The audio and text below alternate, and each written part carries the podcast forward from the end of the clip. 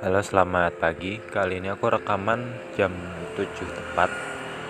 Jadi aku kepikiran bahas topik yang lebih seger.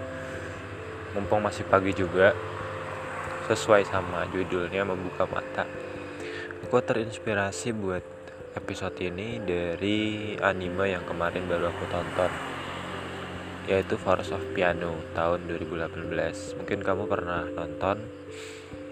Dan mulai dari episode pertama aku mulai suka karena tentang piano. Dan ini piano klasik bukan cover piano. Inspirasinya dari Chopin. Bahkan semalam aku dengerin memang bagus. Pianonya itu nggak sekedar piano tapi seperti bercerita tentang kisah-kisah yang ada. Oh nada seperti ini kisahnya sedih ada seperti ini senang. Simpelnya begitu. Tapi ketika kamu coba main piano itu ternyata susah ya diterapkan. Aku pernah main piano itu sebenarnya pelajaran seni musik kelas 11 kita memilih gitar atau piano oh bukan. Kembali ke dulu lagi apa? Kelas kelas kelas 11 kalau salah. Ya oh kelas 11 kelas 8 jadi SMP gue itu seni budayanya itu beda-beda. Kalau kelas 7 atau kelas 1 itu kita ada seni tari. Kalau kelas 8 itu seni musik. Kita belajar aku ikatnya kalau semester 1 itu kita belajar kita belajar gamelan seni tradisional. Nah kalau semester 2 itu belajar seni yang modern kayak main piano main gitar atau apa. Tapi waktu itu adanya cuma piano. Jadi kita semua coba piano nanti dites satu-satu. Bukan piano sih tapi keyboard keyboard ya. Tapi paling nggak mirip lah.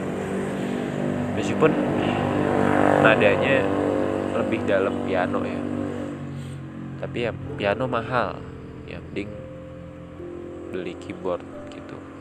Sama kelas 11 itu ada seni musik juga. Seni musik juga. Tapi waktu itu kita aku milihnya gitar. Cuma beberapa yang milihnya piano karena aku pikir kan gitar bisa dilatih di rumah beli gitar. Tapi kalau keyboard tuh berarti kan harus beli keyboard ya itu mahal. Ya ya nggak apa-apa. Kembali ke awal. Ini menceritakan tentang Kai Ichinose sebagai tokoh utama main karakter. Kemudian hidup dia berubah ketika bertemu Suhei Amamiya Suhei Amamiya ini ternyata anak dari Yoichiro Amamiya, pianis terkenal. Entah alasannya apa, akhirnya mereka bertemu secara nggak sengaja. Terus saat bersih-bersih di kelas, si Suhei ini dibully sama yang lain. Terus Kai ini menolong di situlah mulai akrab. Tapi Kai ini nangis sendirian. Karena berantem akhirnya Sosuke Ajino ini nenangin dengan lagu Little Brown Jug yang dibawakan dengan piano. Seketika Kai langsung tenang dan bisa mengoreksi kelas kesalahan Ajino.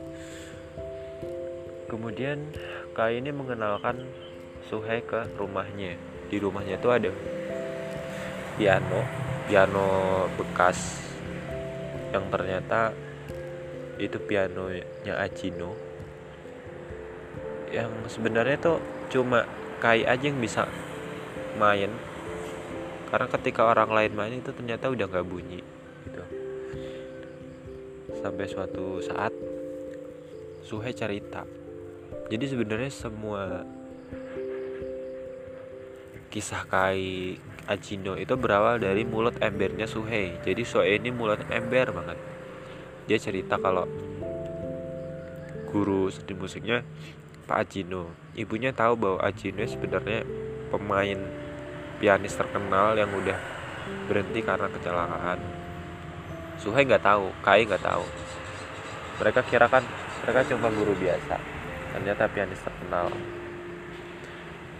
Terus gurunya eh ibunya Suhe minta Pak Ajino ini ngelatih Suhe tapi dia Su, Pak Ajino nggak mau. Karena mungkin tahu bahwa latar belakangnya dulu sempat konflik dengan keluarganya. Akhirnya Suhe cerita bahwa Kai main piano loh setiap malam. Pak Ajino penasaran kan? Akhirnya dia ngecek wah ternyata benar mainnya bagus. Ketika itu dia langsung jatuh hati dan ingin Kai menjadi muridnya. Andaikan Suhei nggak ngomong kayak gitu, mungkin hidupnya juga nggak akan berubah. Buat yang belum tahu, Kai ini sebenarnya bakat banget bermain piano.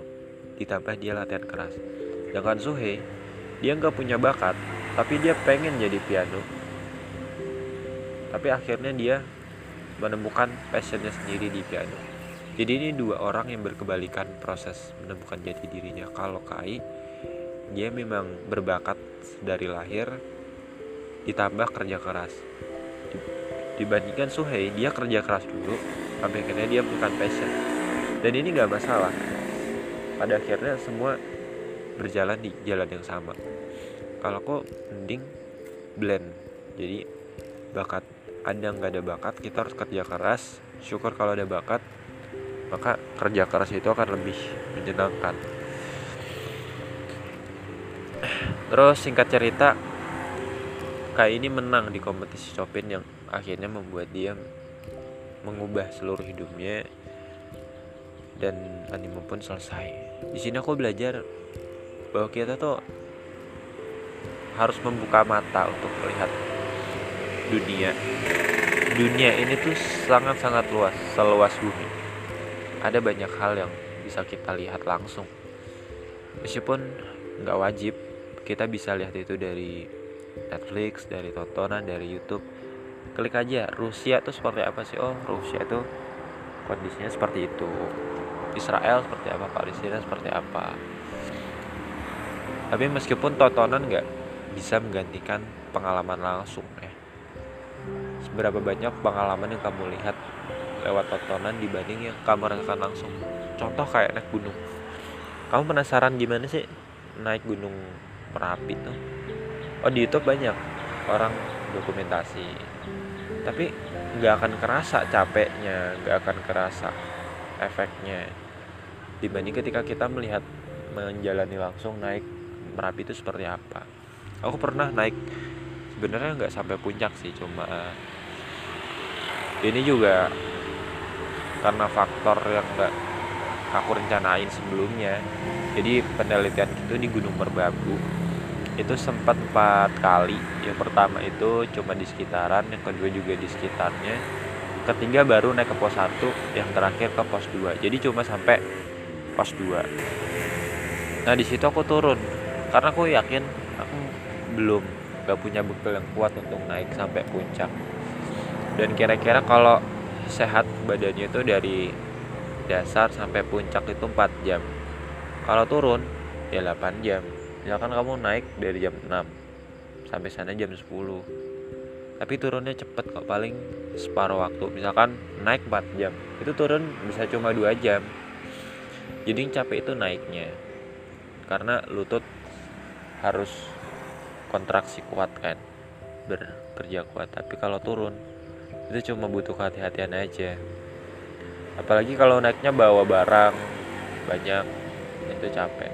Tapi kalau udah terbiasa malah jadi terapi sendiri jadi healing tersendiri gitu loh.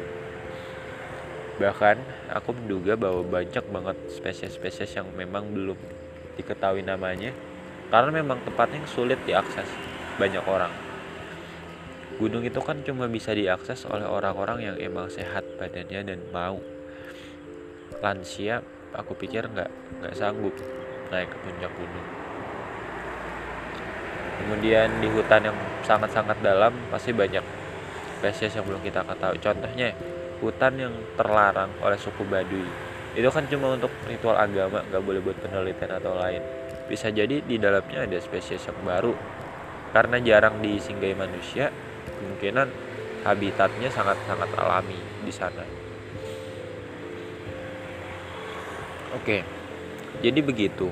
Ketika kita membuka mata bahwa dunia ini luas maka hati kita tuh akan terasa puas. Di situ kita menulis begitu banyak hal yang menarik. Kalau kamu baca buku travel kamu rasanya seperti ikut ke dalam cerita mereka aku makanya suka buku-buku traveling terus buku-buku tentang dunia karena benar-benar edukatif dan membuatku terhanyut dalam ceritanya. Dibanding cerita-cerita romansa picisan dan sebagainya yang cinta segitiga lah atau apalah. Itu menurutku cerita yang kurang edukatif. Atau sinetron-sinetron series-series yang ada di platform mana pun kecuali ada tema utama gitu. Jadi cinta itu cuma sampingan. Ada tema utama kayak membahas kejahatan menguak narkoba. Kayak drakor itu kan sekarang mulai beralih ya dari tentang drama cinta sekarang menjadi drama beneran. Cintanya tuh cuma bumbu kayak masakan. Cintanya itu cuma topping gitu. Loh kan yang utama itu ya tentang narkoba tentang kejahatan tentang memberantas suatu masalah gitu. Di situ menarik. Jadi ada sesuatu yang bisa kita ambil gitu. Sekarang drakor beralih seperti itu. Gak lagi full cinta tapi cinta hanya sebagai topik. Kalau series Indonesia kan masih kayak cinta segitiga terus cinta skip cuma kayak gitu-gitu tapi banyak juga peminatnya gitu. Sama apa ya? Saat kita melihat bahwa dunia ini sangat luas melalui media mana pun mulai buku, film, cerita orang kita pasti mulai tertarik untuk menjelajahi sendiri dengan berbagai cara.